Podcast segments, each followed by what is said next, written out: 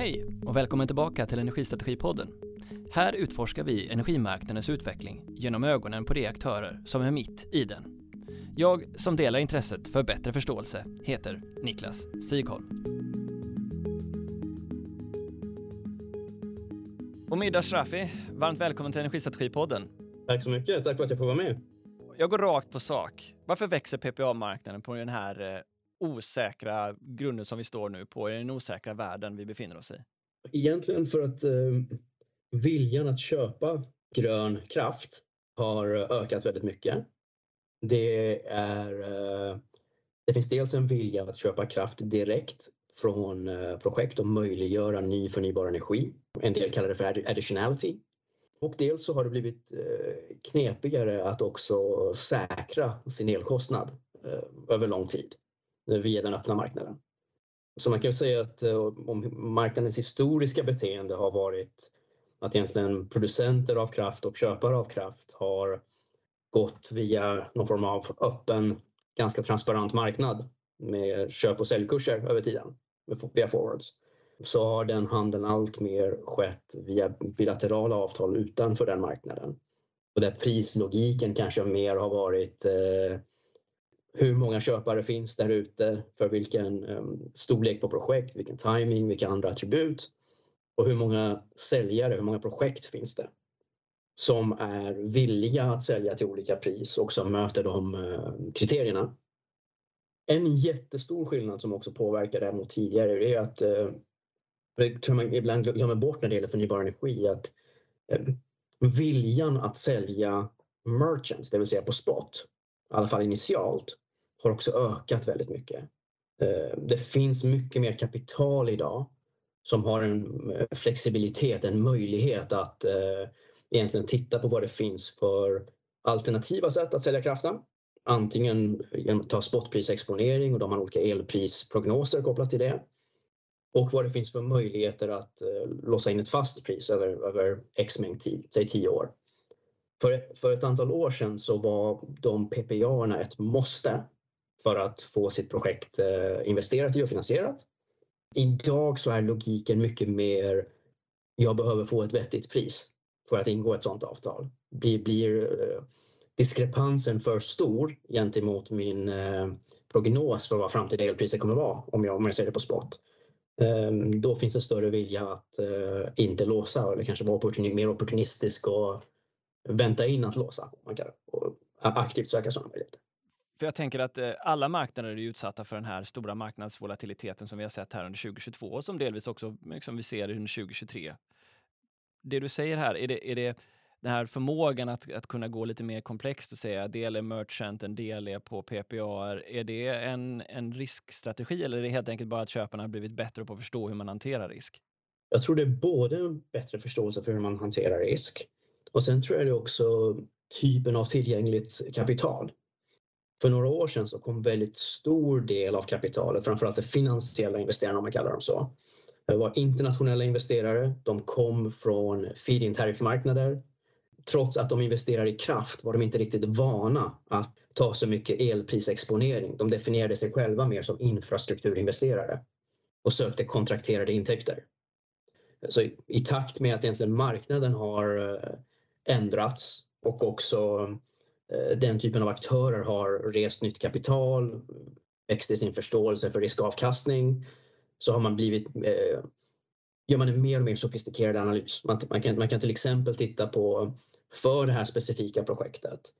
En form av risk är vad kan jag få för eh, kontrakterade intäkter med viss motpartsrisk? En annan typ av eh, analys är vad behöver jag för totalt elpris för att nå olika nivåer av avkastning?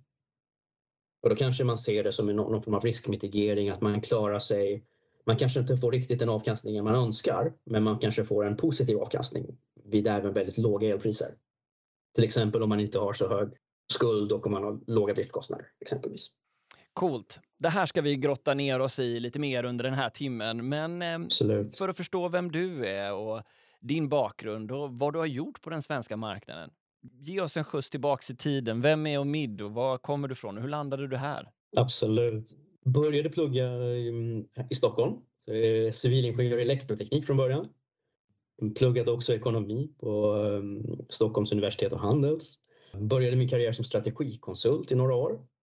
Och um, sen har jag en liten mix av egentligen um, erfarenhet som strategi och eh, uh, ma rådgivare och även lite entreprenöriell erfarenhet.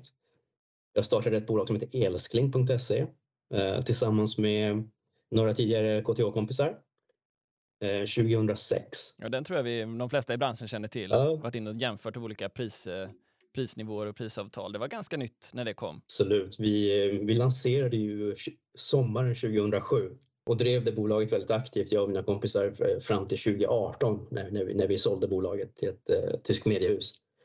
Och, ehm, det var en häftig upplevelse. Så man kan säga. Där fick jag lite exponering mot eh, konsumentaspekten av eh, elhandel om man kallar det så. Kanske även små och medelstora bolag. Sen har jag jobbat lite på den andra änden av skalan som man skulle kunna säga. Då. Det har jag gjort via eh, Newseco det är att vi har egentligen byggt upp sedan 2007 en väldigt aktiv ma rådgivare för förnybar energi. Så vad vi egentligen har gjort är att vi har varit rådgivare vid eh, transaktioner för projekt, portföljer, bolag inom förnybar energi framförallt eh, vind, sol och batteri i Norden och Baltikum. Har under de senaste, det blir ungefär 16 åren nu, börjar närma oss 80 transaktioner. Vi har eh, varit med vid en väldigt stor andel av de investeringsbeslut som har skett i förnybar energi i Norden. Varit involverade i att ta hit många och göra den första affären för många av de internationella investerarna, långivarna och eh, kraftköparna inom den marknaden. Eh, så det har varit en häftig resa, kul resa. Det är ju en, eh, tycker jag, en väldigt dynamisk och spännande marknad som är i ständig utveckling. För mig känns det inte som att det har blivit moget under de här 16 åren utan jag känner att jag lär mig nya saker varje dag och det händer otroligt mycket. Ta oss tillbaka till början då, de här första kontrakten, de första dealsen som du gjorde. Beskriv situationen för oss. Vad var det för, för typer av affärer som ni började att försöka förstå och analysera? Jag kan säga att de, i de första första åren så dominerades marknaden rätt mycket av lokala kommunalägda energibolag. Det var en ganska lokal marknad. Det fanns en del internationellt kapital som var i olika former av PE-fonder, eh, relativt höga avkastningskrav och, rätt få. Mest lokala eh, långivare, de lokala eh, nordiska bankerna och sättet att sälja kraften, det typiska sättet var egentligen vad man kanske kallar en rullande hedgingstrategi. Man låser priset 3 till 5 år åt gången och väldigt aktivt managerar sin försäljning. Det som också var fallet då var att vi hade så kallade elcertifikat som en del kanske minns. Det gör vi. Jag tror de finns fortfarande även om de inte är värda någonting längre. Säg att någonstans, om jag höftar lite, säg kanske en stor, storleksordningen, en tredjedel av avkastningen kom via värdet av, av eh, el, elcertifikaten. Så det var ju investeringar som var subsidieberoende i det, i det avseendet. Så kapitalet var lokalt, aktörerna var lokala, dealarna var generellt sett eh, relativt små. Kanske 20, 30, 40, 50 megawatt typiskt sett. Snittdealen var. Och som sagt med den typen av logik. Och ersättningen var, var till stor del statligt finansierad? Ja, absolut. Man använde olika former av prognoser. Men säg att kanske eh, du hade någonstans ett, ett antagande om att kanske du fick 40 euro för elen och 35 euro för certen och sånt där. Och kanske att elen stack mer medan certen inte stack så mycket. Men väldigt stor del kom via eh, de här certifikaten. Så ehm, sen kan man säga att den marknaden utvecklades i ganska snabb takt. Dealarna blev... Ja, för ni var inte så många då va, som höll på med det här? hur var det lilla nätverket av vilka aktörer som höll på med den här typen av strukturerade affärer? Så I början så var logiken, väldigt, väldigt många av dealarna vi gjorde i början var, handlade om att resa kapital. Så det var egentligen eh, en väldigt ung marknad, inte alls så professionell som den är idag. Ett antal projektörer som ville bli stora oberoende kraftproducenter och behövde rejält med kapital. De behövde resa pengar för man behövde mm, köpa utrustning, betala någonstans 30-40% i handpenning för någonting som skulle levereras 3-4 år senare tecknade massa arrenden runt om, hade egentligen en affärsplan att bygga upp nya sådana bolag. Och som var, var rätt häftigt, för det var i början av egentligen en... Eh, som man tittade på marknaden då, så kraftproduktion dominerades ju av väldigt få aktörer som ägde kärnkraft och vattenkraft. Så det var ganska häftigt helt plötsligt att liksom vind som framförallt kom de tidigare åren och också öppnade upp för en mer fragmenterad marknad med fler deltagare. Mm. Och det fanns ju en del då som de här oberoende kraftproducenterna som skulle utmana. Och hur var, hur var kapitalet som kom in? Vilken, om du skulle beskriva den här första fasen, mognadsgraden för investeringar i, i förnyelsebara produktionskällor? Man kan säga att graden av sofistikering, i alla fall jämfört med var vi är idag, eh, var ju lägre. Så eh, kalkylen baserades egentligen på någon form av eh, prognos, en ganska enkel prognos för, för, för elen och eh, elcertifikaten. Man antog en viss livslängd för, eh, liksom, för, för projekten. Avkastningskrav som varierade, relativt hög belåningsgrad i en del fall, framförallt för finansiellt kapital. Oftast obelånat för industriella aktörer. Men ganska relativt enkla kalkyler skulle jag säga. Tittar du på hur det ser ut idag så är det ju ehm, mycket mer djupgående analys i vart tar elpriser vägen, eh, känslighetsanalyser runt det. Elcerten och, finns inte med längre i modellen. Mycket mer analys kring eh, Guarantees of Origin, ursprungsmärkningar som har växt väldigt mycket i värde senaste, senaste året och åren. Och på, på senare tid även eh, olika stödtjänster. Hur kan, hur kan man vara med och via en vindkraftpark standalone eller en solpark standalone delta i, eh, i frekvensmarknader? Hur kan man utveckla en sån kraftproduktion kanske från en eh, sol eller vindpark till att, vad man kanske kallar för en energipark? Addera kombination av teknologier, addera batteri. Hur kan man sälja elen på olika sätt? ett eh, rullande hedging-strategi är fortfarande en möjlighet. hur Man har olika former av längre PPA-avtal, active revenue management.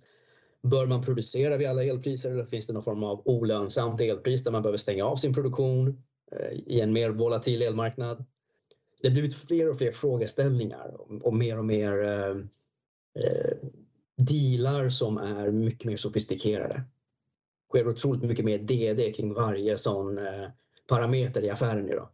Ja, just det. Du tar oss ju snabbt här från liksom den här eh, projektörsbolaget som ska bygga en, en ny vindkraftspark mm. och förutsättningarna är ganska lokala och det finns statliga stöd till en, en marknad som är mer fragmenterad låter det som, mer komplex, också med fler aktörer eller? Absolut, alltså tittar man på hur, eh, jag minns inte de exakta siffrorna, men tittar du på hur den formen av kraftproduktion ägs idag så är det ju är det ändå ganska fragmenterat.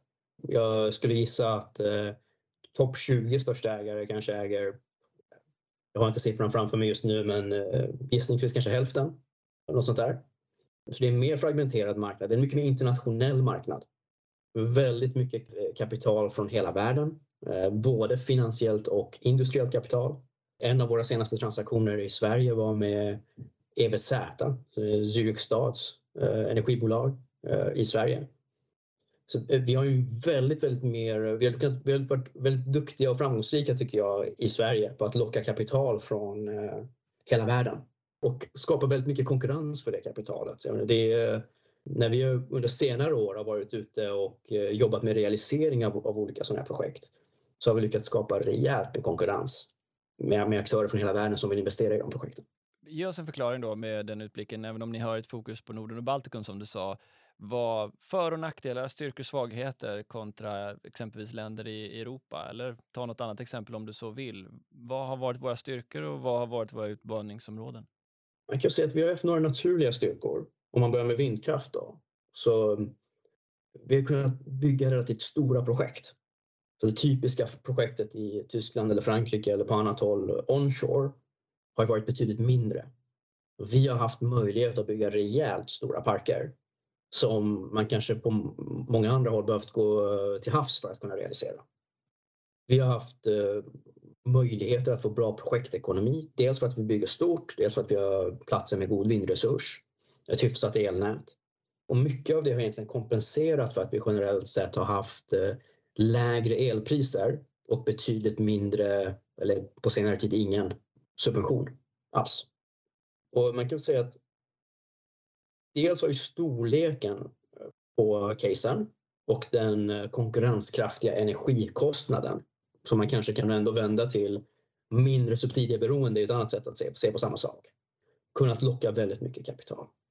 Sen kan man väl säga att dels har det lockat en del aktörer Och sen har det också varit så att marknaden generellt, även på annat håll, har gått ifrån att vara feed-in tariffer, alltså på olika sätt eh, subsidiedrivet, till att eh, få samma logik som den marknad som vi har haft i, i Sverige och, och Norden under en längre tid.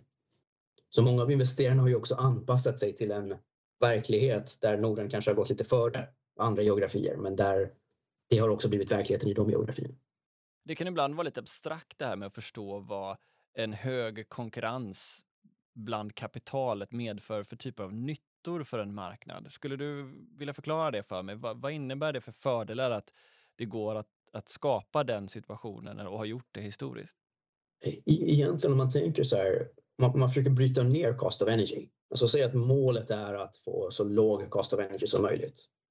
Så dels så handlar ju cost of energy om investeringskostnaden, alltså capex. Dels handlar det om eh, driftkostnaderna, opex. Och dels handlar det också om kapitalkostnaderna. Vad kräver den som kommer in med kapitalet för avkastning i relation till den risk de upplever att de tar? Och där så har, tycker jag att vi har kunnat eh, locka kapital till hyfsat rimliga avkastningskrav. Och kombinationen av allt det här har lett till en marknad där vi har kunnat realisera projekt utan behov av eh, subsidier. Och de, de subsidier, om man kallar det så, då, som vi har haft tidigare i el, elcertifikaten.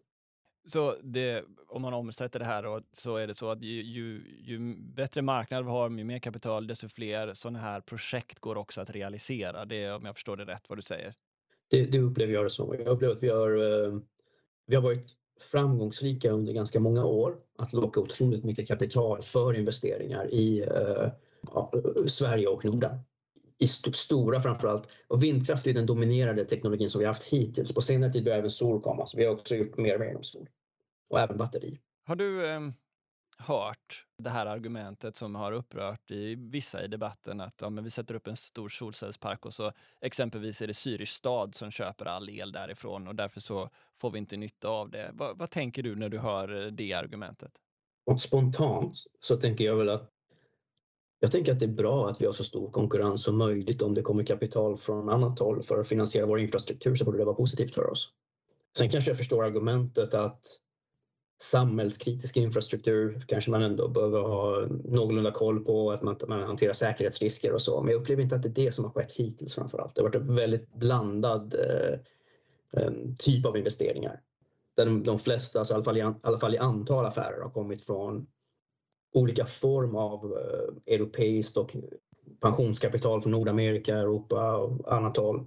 Antingen på direkt basis eller via olika fonder, mm, olika industriella aktörer generellt sett, jag tror inte det är en svensk grej, så tittar man egentligen på marknaden för förnybar energi, Jag skulle egentligen titta på hur det ser ut över hela Europa. Många av de stora aktörerna som är verksamma i Sverige är också verksamma i Tyskland, Frankrike, Polen.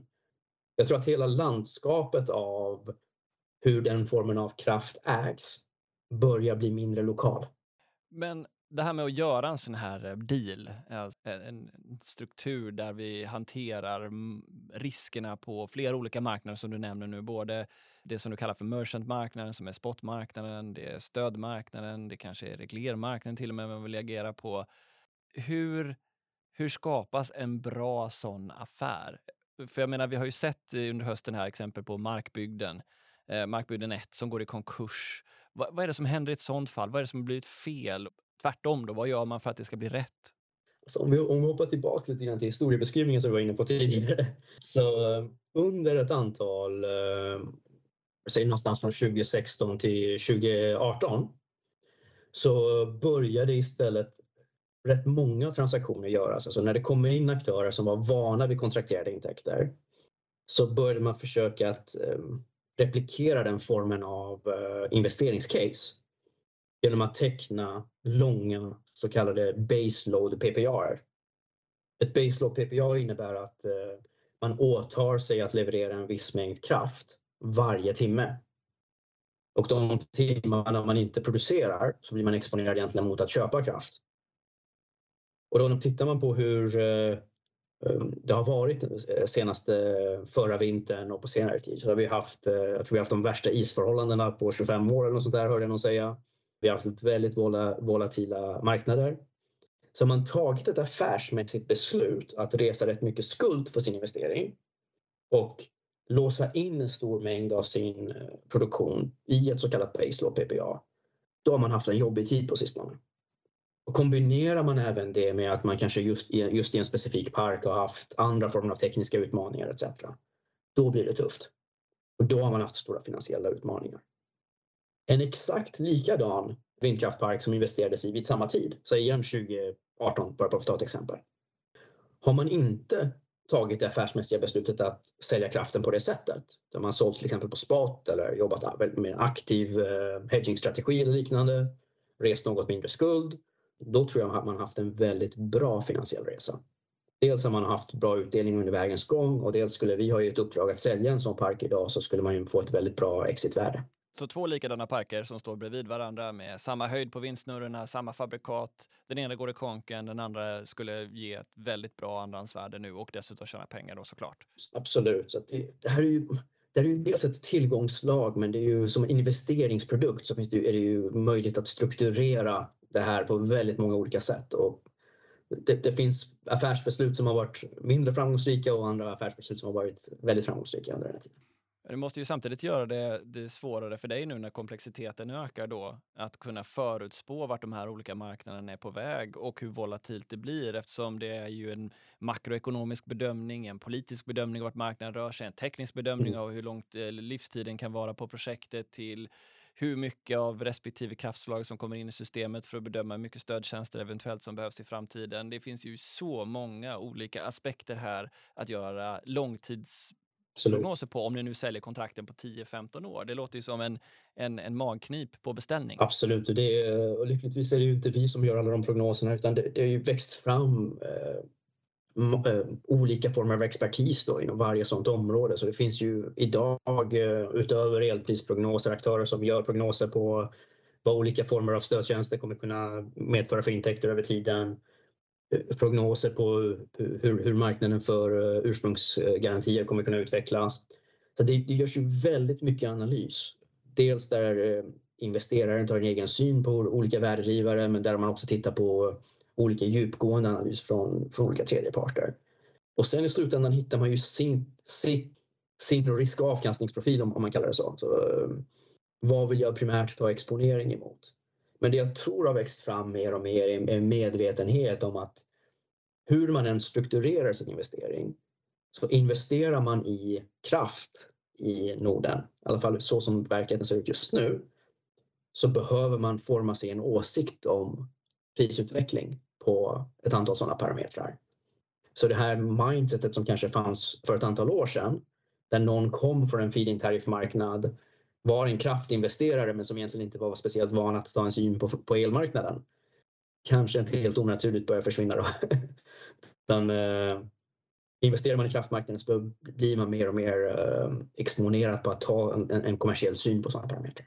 Mm det måste landa i en siffra, i en risksiffra och en intäktssiffra och så ska man göra någon slags bedömning av det där och alla de här ingående parametrarna. Men där sitter du då i mitten yes. och så vid sidan om det på bordet så har du någon form av kapital och någon form av producent och så ska ni forma den här dealen. En nyfiken fråga, liksom, vad, är det som, vad är det som avgör ett bra jobb för dig?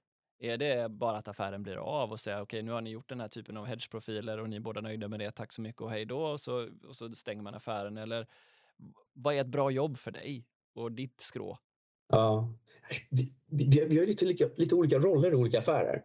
Eh, en roll skulle kunna vara att vi är eh, rådgivare till en projektör som ska sälja till exempel en stor vindkraftpark eller solpark eller energipark. Och man vill realisera det projektet med så bra kapital som möjligt och i det fallet rent kommersiellt innebär det att man får eh, så bra betalt för projektet som möjligt om man säljer det. Eller om man behöver kapital in och så bra, så bra kommersiella villkor som möjligt.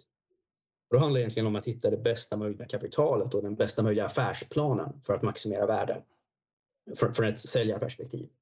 Vi har jobbat också i många fall på köparens sida och då handlar det egentligen om att eh, hjälpa köparen att hitta sin optimala affärsplan och eh, förstå de risker man ger sig in, in i, göra en ordentlig riskmatris. Eh, egentligen forma en affärsplan med både hantering av möjligheter och risker kopplat till investeringen och göra en väldigt, väldigt bra DD för att göra en framgångsrik investering.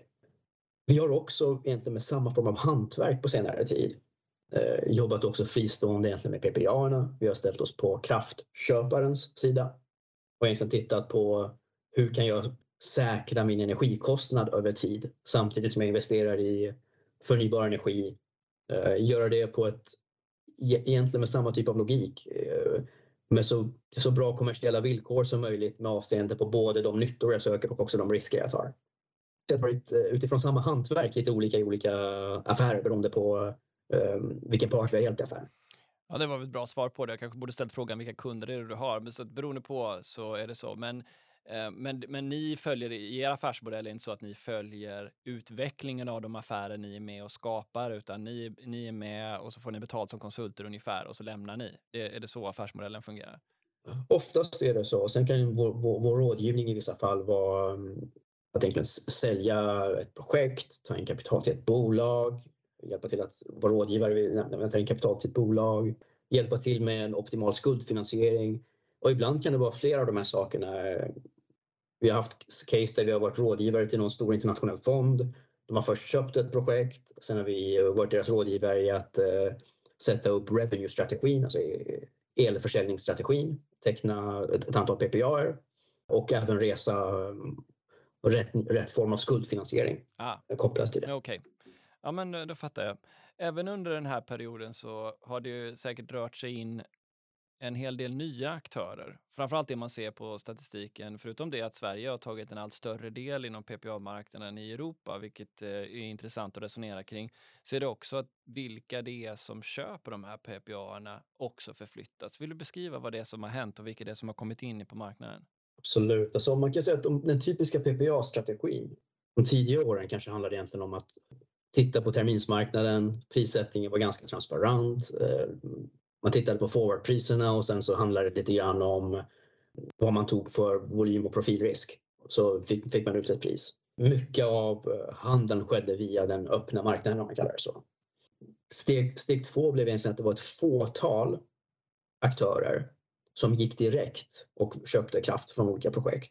Exempel på sådana är Google, Norsk Hydro, Alcoa, eh, det var ett fåtal aktörer som hade en väldigt stark köpkraft vid, vid den tidpunkten. Marknaden har utvecklats på ett väldigt spännande sätt så att antalet aktörer, alltså universumet av antal aktörer som vill köpa grön kraft och säkra sitt, eh, sin energikostnad över tiden har ökat väldigt mycket. Och även den marknaden har blivit mer och mer internationell. Allt ifrån stora hyperscalers som man kallar det, alltså datacenterbolag till eh, olika former av energiintensiv industri, både lokal och internationell. Eh, en del har sin förbrukning endast lokal, en del tittar på att köpa förnybar energi över hela Europa gentemot sin förbrukning i Europa till exempel. Så en mycket mer mångfacetterad marknad och en kanske bättre, mer svårnavigerat men samtidigt om man är eh, lyckosam, en bättre balans mellan kraftsäljare och kraftköpare. Utmaningen dock, eh, anledningen till att det är mer svår, svårnavigerat är också att prissättningen blir mycket mindre transparent. Det är inte lika um, lätt att förutsäga vad man får för PPA-pris utan man kanske behöver jobba mycket mer aktivt för det och hitta rätt köpare vid rätt tid som matchar hans projekt.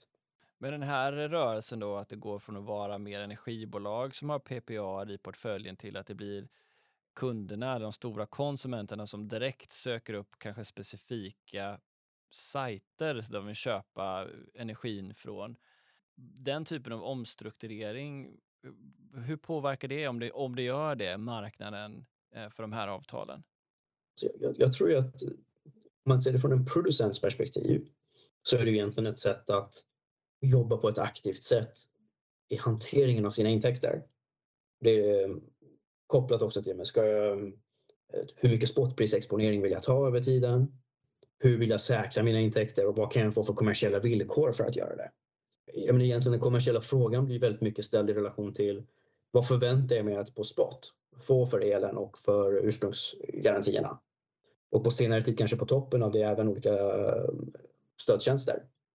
Eh, de har ju dock varit svårare att eh, hedga om man kallar det så, så där kanske prognostiseringen är ännu svårare.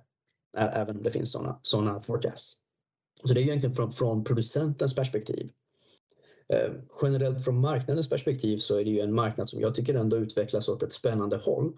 Förvisso har ju likviditeten gått ner väldigt mycket på den öppna marknaden. Men mängden bilateral handel, om man kallar det så, ökar väldigt mycket. I och med att efterfrågan ökar väldigt mycket.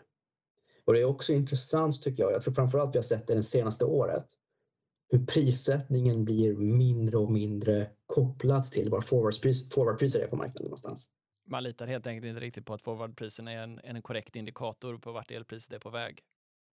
Dels, de, dels det, alltså jämför du bara forwardpriser mot olika tredjepartsprognoser för elpriset så är det, är det en jättediskrepans. Och dels så tittar man på forwardpriser som eh, mer en fråga om vad kan jag trada till idag? Så även där är likviditeten dålig, framförallt när man går några år fram. Och du, du kan ha en ganska enorm spread mellan eh, sälj och köpkurser. För det ger ju någon form av indikation. Men är du en stor eh, kraftförbrukare som vill ut och du vill ha ett projekt viss, som har vissa kriterier. Det är inte säkert att forwardsen är en rätt indikation på vad du i slutändan kan köpa till. Ja, det var väl eh, dagens underdrift att den är ganska begränsad likviditeten. Den är, den är, den är väldigt begränsad. finns. Ja, den är väldigt begränsad. Men hur då hanterar man då motpartsrisk? För jag tänker det är en fråga som är intressant för hela energibranschen eftersom man måste gå in i mer den här typen av bilaterala samtal i massa olika sammanhang. Om jag är, säg en eh, är ju bara för sakens skull en stor fossilfri eh, producent av stål som ska köpa massvis med terawattimmar och jag är någon form av producent av energi. Hur, och du ska sitta och rådgiva mellan oss. Hur ska man hantera det faktum att det är, finns ju en ganska betyd... När, när det inte finns den här ska man säga, market makern emellan som agerar clearinghus och som kan bära en del av risken, utan det här måste fördelas med de här två parterna. Hur ser du till att skapa trygghet i den typen av motpartsrisk? Vad är, vad är centralt där? Alltså, typiskt sett, det historiska synsättet har varit att man behöver ha en väldigt stark motpart. Det ska vara en så kallad investment grade. Alltså, när, det, när det har varit bolag som inte är super, super starka och det finns jättestarka garantier bakom så har man tittat på olika former av uh, garantier. I vissa fall så har det, det har kunnat vara allt ifrån bankgarantier och liknande till att i vissa fall har även statliga garantier kommit in. Som egentligen haft någon form av exportkredit eller liknande som har kommit in och ställt garantier för den kraftköparens åtagande.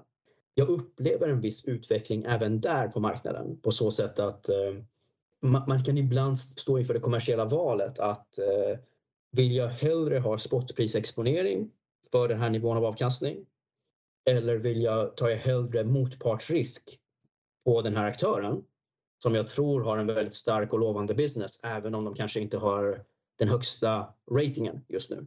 Men jag, jag tycker att det här är en väldigt spännande fråga, framförallt utifrån hur energiintensiv industri växer fram. Ja, som kanske inte har så lång track record, Absolut. menar jag bara. Det är, det, det är mycket nytt nu.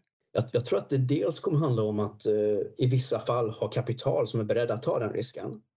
Och sen är frågan om hur de prissätter den risken.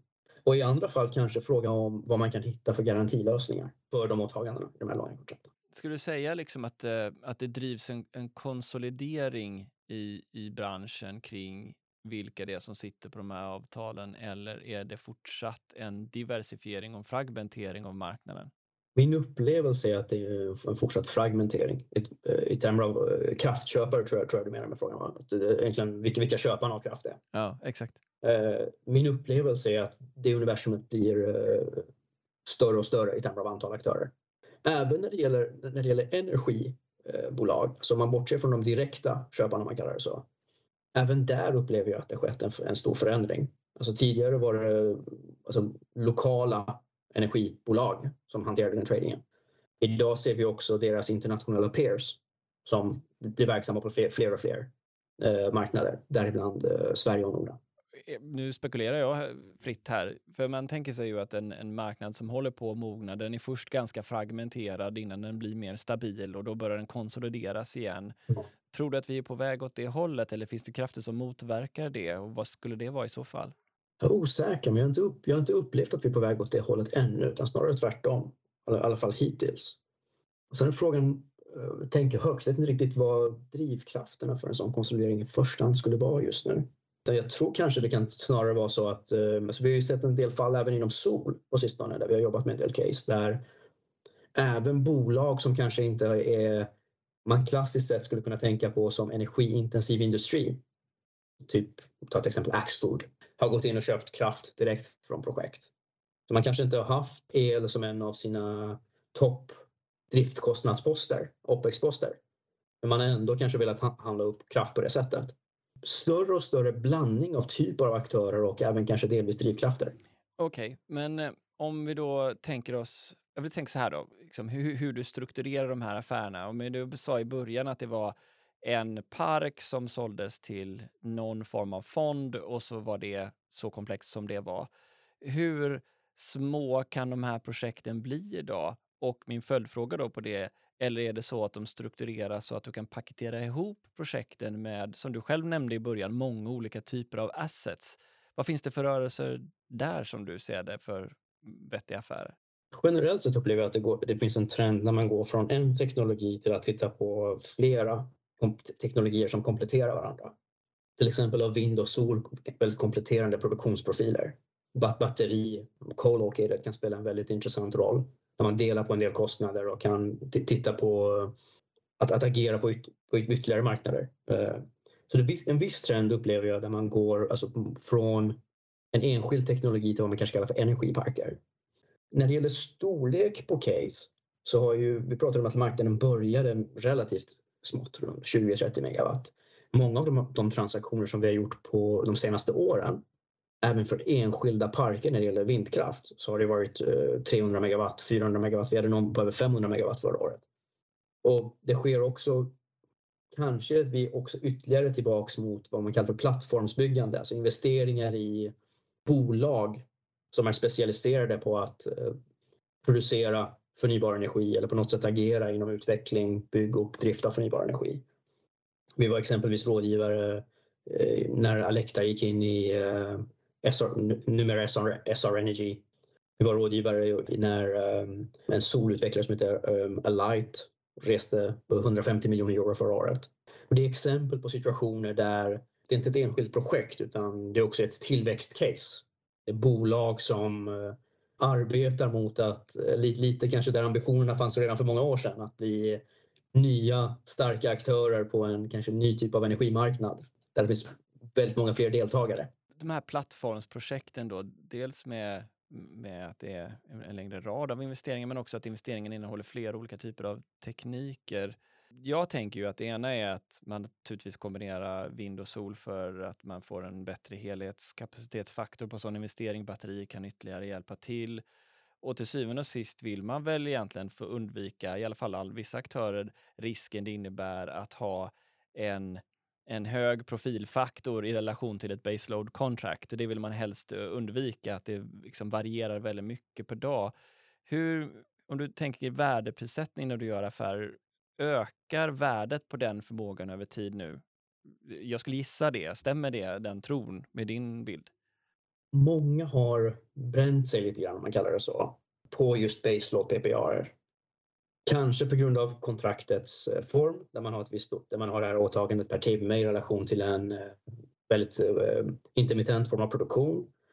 Kanske på grund av att många av de kontrakten tecknades till väldigt låga priser för, för ett antal år sedan och i relation till hur marknaden har utvecklats, så volatil som marknaden har varit och andra parametrar. Så synen på den risken har nog utvecklats så att man många ogärna arbetar med den formen av PPA gentemot ett enskilt projekt och en enskild teknologi. Kanske, kanske bör man gå mot ett synsätt där ett sånt form av PPA kanske är bättre lämpad gentemot en portfölj. Kanske till och med en portfölj som har olika former av teknologier i sig. Så vi ser ju någon form av teknologidiversifiering. Vi ser också bland de investerarna som har varit mer, mer dominerande att man också diversifierar på så sätt att man tänker att man vill ha tillgångar över olika elprisområden. Jag ser 3, 4, eh, fin, även Finland, annat håll.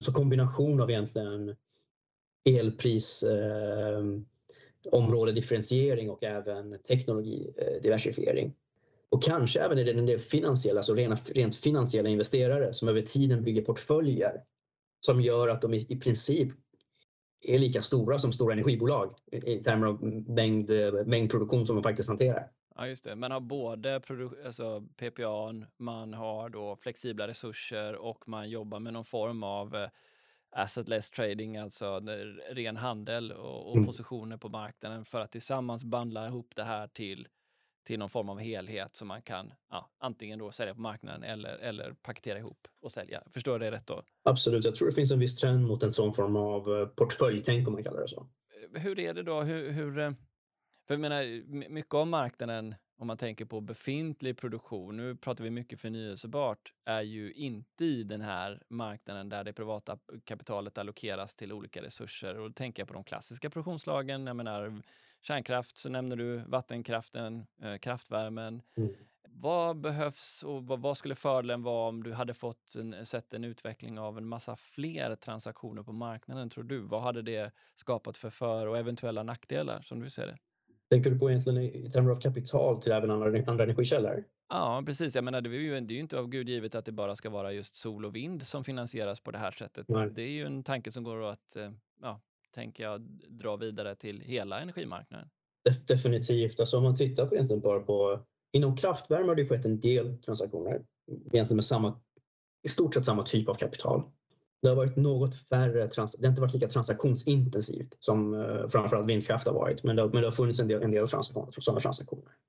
Vatten finns det ju en, en, väldigt stor aptit från samma typ av kapital att investera i, men där har inte, det, det funnits lika mycket investeringsmöjligheter. Bara utifrån industristrukturerna. Vindkraft har ju växt fram från ingenting och Eh, många små aktörer som har varit ute och utvecklat projekt och som har behövt sälja dem vid något tillfälle.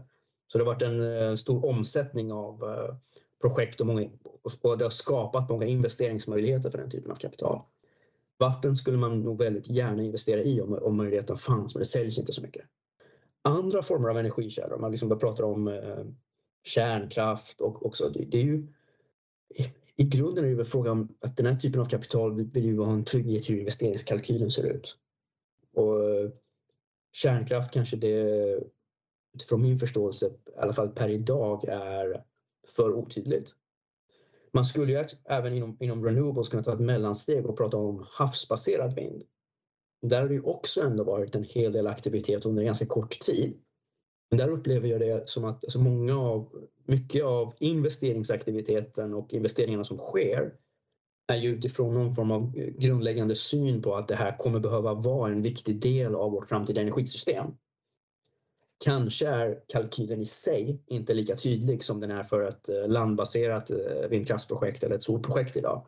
Där man kan fatta investeringsbeslut och vara igång och eh, sälja kraft relativt snabbt. Inom havsbaserad vind kanske det är mer att man tar, man tar lite position om man kallar det så. Genom att finansiera utveckling nu, nu kommer du in på, antar den lilla raden eller de många raderna i din eh, investeringskalkyl, antar jag, när du hjälper till i de här parterna som handlar om politisk risk, regulatorisk risk. Vad, eh, Absolut. om du får liksom tala för dina kunder, vad är det man önskar sig mest av politiken?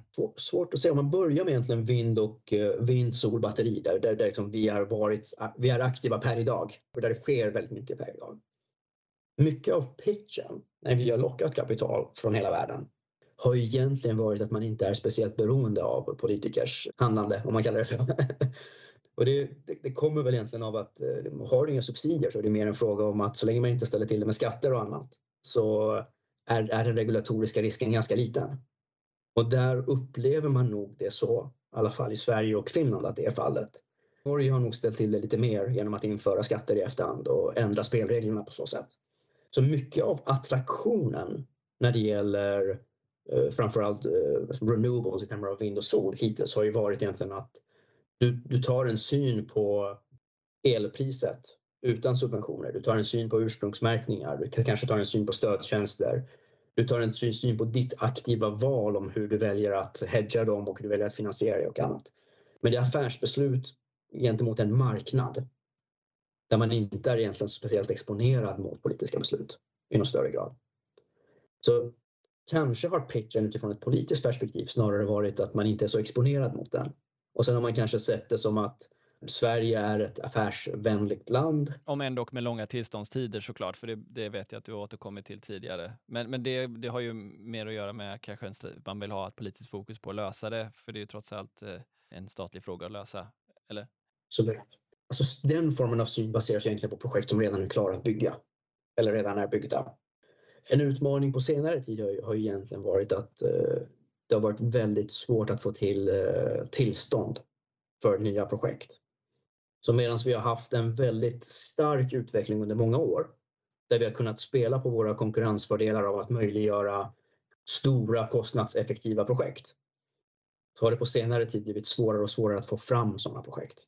Och där handlar det ju mer egentligen om eh, kommunal tillstyrkan, lokala incitament andra typer av politiska frågor. Så det du säger är, i ditt perspektiv, råder det någon begränsning i tillgängligt privat kapital för att göra den här typen av investeringar? Eller finns det gott om det? Det finns gott om det. Även i en marknad som har blivit svårare med makro och allt annat på senare tid så upplever inte jag att flaskhalsen för att bygga ny förnybar energi handlar om till, tillgången på kapital. Det handlar om tillgången på projekt. Så om vi hade 400 miljarder värt av investeringsbar havsbaserad vindkraft, då hade det funnits kapital att finansiera det idag med dagens villkor? Havsbaserad vind, det, det tror jag. Sen är det något svårare med havsbaserad vind utifrån att kalkylen där inte är lika tydlig som eh, landbaserad vind och sol är. Ja, okej, okay. men säg landbaserad vind. Jag tänkte egentligen mest på beloppet. Hade det funnits 400 miljarder i form av landbaserade vindprojekt, då hade det funnits kapital för att finansiera det, tror du, privat? Ja, om man eh, förenklar lite, ska man säga så här att alltså, vi, vi är inte begränsade till mängd kapital i Sverige. Vi jagar kapital över hela världen.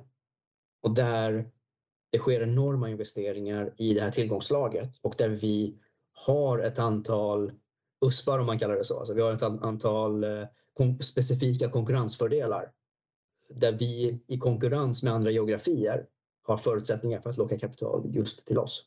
Ja, det är ju intressant. Sett uh, ur det här perspektivet då att, uh, att om vi får nu säger du i och för sig att väldigt många fler går mer merchant, kanske till och med 100% går på marknaden. Mm. En av de här utmaningarna har ju varit vilken likviditet vi har på marknaden och hur beroende man är av, av spotpriserna eller om man producerar i alla fall för man har ett förutbestämt pris. Finns det inbyggda mekanismer som reglerar det här på något sätt eller är det någonting man inte tar hänsyn till alls när man gör den här typen av dealer? Hur funkar det? Jag tror att vilka krav ska man ställa på er egentligen? Ja. Är fråga. För Svenska kraftnät vill ju gärna ha med så många flexibla aktörer som det bara går. Ja, absolut. Alltså, stor del av investeringarna som sker görs ändå utifrån att man vid någon tidpunkt vill managera exponeringen i, mot uh, volatila elpriser. Så man, många vill ju gå in i någon form av PPA, vare sig det är i en rullande hedgingstrategi eller om det är en lång PPA. Jag upplever dock att den kommersiella synen på vad som är ett värdeadderande pris, vad som är ett vettigt pris, är sånt att man inte nödvändigtvis säger att jag precis vid investeringsbeslut, tillfället då jag fattar investeringsbeslutet behöver ha allting inlåst. Att många gånger kan man börja merchant och sen, och sen leta efter olika sätt att managera intäkterna som ger rätt balans mellan risk och avkastning. Och det, och det finns också en hel del, men om man bara tänker väldigt enkelt på kalkylen, säg att det kostar säg 10-12 euro ungefär att eh, driva en vindkraftpark om du inte har någon belåning. Det innebär ju att du har ett positivt kassaflöde över före skatt vid elpriser på 10-12 euro. Därefter så handlar det egentligen om hur man finansiellt vill strukturera sin affär. Vill jag eh, lägga på belåning, ja men då kommer du då, då, då behöver jag högre elpriser för att börja täcka finansieringskostnader också. Vill jag mm, låsa in priset, vilka nivåer är jag villig att låsa till i relation till eh, analyser om vad framtida elpriser bör vara som ett antal tredjeparter gör och som en del aktörer också gör själva. Och min känsla är väl att man är mindre benägen att acceptera massiva rabatter i relation till de prognoserna vid ett fast pris idag gentemot hur man har varit tidigare beroende på typen av kapital som är tillgängligt. Så jag trodde också du skulle säga, alltså, ge oss en marknad att agera mot så kommer vi också agera. Det är väl ungefär så va? Lite så, det är lite vårt jobb att hitta lösningar på marknader. Ja. Men du som har varit med då i 80 affärer, du sa någon gång till mig att ni hade nästan 30 procent av marknaden för de här typen av mergers and acquisitions och avtal i, Norden, vilket ju är mycket såklart. Mm. Var, vart är vi på väg? Vi har ju några olika saker som händer samtidigt här. Vi har en, en ny elmarknadsdesign med, som tillåter CFD och statliga PPAR och det finns diskussioner om kapacitetsmarknader och ja, en ökad centristisk eh, och så, rörelse. Å andra sidan så har vi tids, tidsfaktorn här, industrin som vill ställa om oerhört fort och det behöver mm. egentligen sättas igång massvis med parallella projekt och kapitalet behöver röra sig snabbt mellan de här två ytterligheterna som jag beskriver här för dig, vad, placerar du in dig? Vad, vad ser du för framtid? Så. Alltså, Jag tycker att det varit otroligt kul och vi har varit väldigt framgångsrika i att hitta kommersiella lösningar på egentligen fria marknader. När det gäller egentligen att hantera, hitta kapital för, för att realisera kostnadseffektiva bra projekt i stor skala. Det tror jag vi kommer fortsätta att kunna vara. Sen tycker jag det är häftigt att det kommer nya marknadsmekanismer som dels stödjer systemet men som också skapar ytterligare dynamik för den typen av investeringscase som stödtjänster. Det är relativt nytt men det börjar ju komma in i våra finansiella modeller. Det blir ju en del av investeringsbeslutet att även ta en syn, ta en syn på värdet av dem. Så det är klart, marknaden har varit rätt duktig på att arbeta med de verktyg som har funnits för att hitta en vettig balans mellan risk och avkastning. Och givet den mängd kapital vi under de förutsättningarna kunnat locka och, och skapa konkurrens ibland så har vi också fått ner kapitalkostnaderna ganska mycket under tiden. Så jag, jag är rätt optimistisk avseende tillgången på kapital och smarta kommersiella lösningar. Sen tycker jag ändå det är spännande och så häftigt på många sätt, alltså den massiva ökning av elanvändning som vi ser framför oss, den elektrifieringen det var ju inte så många år sedan mina diskussioner med internationella investerare handlade om att debattera elprisprognoser där man såg framför sig att elanvändningen till och med skulle minska för att industrin skulle flytta till lågkostnadsländer och, och, och annat. Så det är ju klart, det är ju ekvationen har ju ändrats på något sätt. Alltså, jag upplever det inte som att det här, den enorma ökningen i elanvändning, den synen är så gammal. Och det är klart att vi försöker snabbt anpassa oss till den nya synen på vart vi är på väg och det är rätt häftigt. Ja, också som någon form av vittne av marknadens rörlighet och vi säger att vi går på ett hög case och vi ska ha ytterligare 60 terawattimmar el till 2030. Från ditt perspektiv, är det görbart? Alltså, om man bara tittar på egentligen tillgången på kapital så som jag nämnde tidigare, jag upplever att finns det bra projekt, sol, landbaserad vind, havsbaserad vind, batterier, kombination av dem så finns det rejält med kapital. Det finns rejält med eget kapital, det finns rejält med skuldkapital. Det finns en bra dynamik på marknaden med olika former av sätt att managera intäkterna och exponeringen mot dem. Jag har inte upplevt att bristen på kapital är flaskhalsen. Det är bristen på deals. Det, de har varit bra under många år men det är lite synd att, det, att vi tappar lite i tempo på nya projekt. Väldigt många dealar som vi har gjort senaste året har mer varit redan operationella tillgångar som, där, man, där det sker olika former av ägarbyten och optimeringar. Mängden investeringsbeslut i nya projekt minskar väldigt mycket. Det, det tycker jag är lite tråkigt i den kontexten där vi behöver så mycket ny kraft. Ja, men det är ju eh, jul och nyårshelger eh, fortfarande och vi tänker tillbaka lite grann och säger att du, du får önska dig någonting här under en lovpaket till till dig från energimarknaden. Vad skulle du önska dig då? Oj, vilken svår fråga.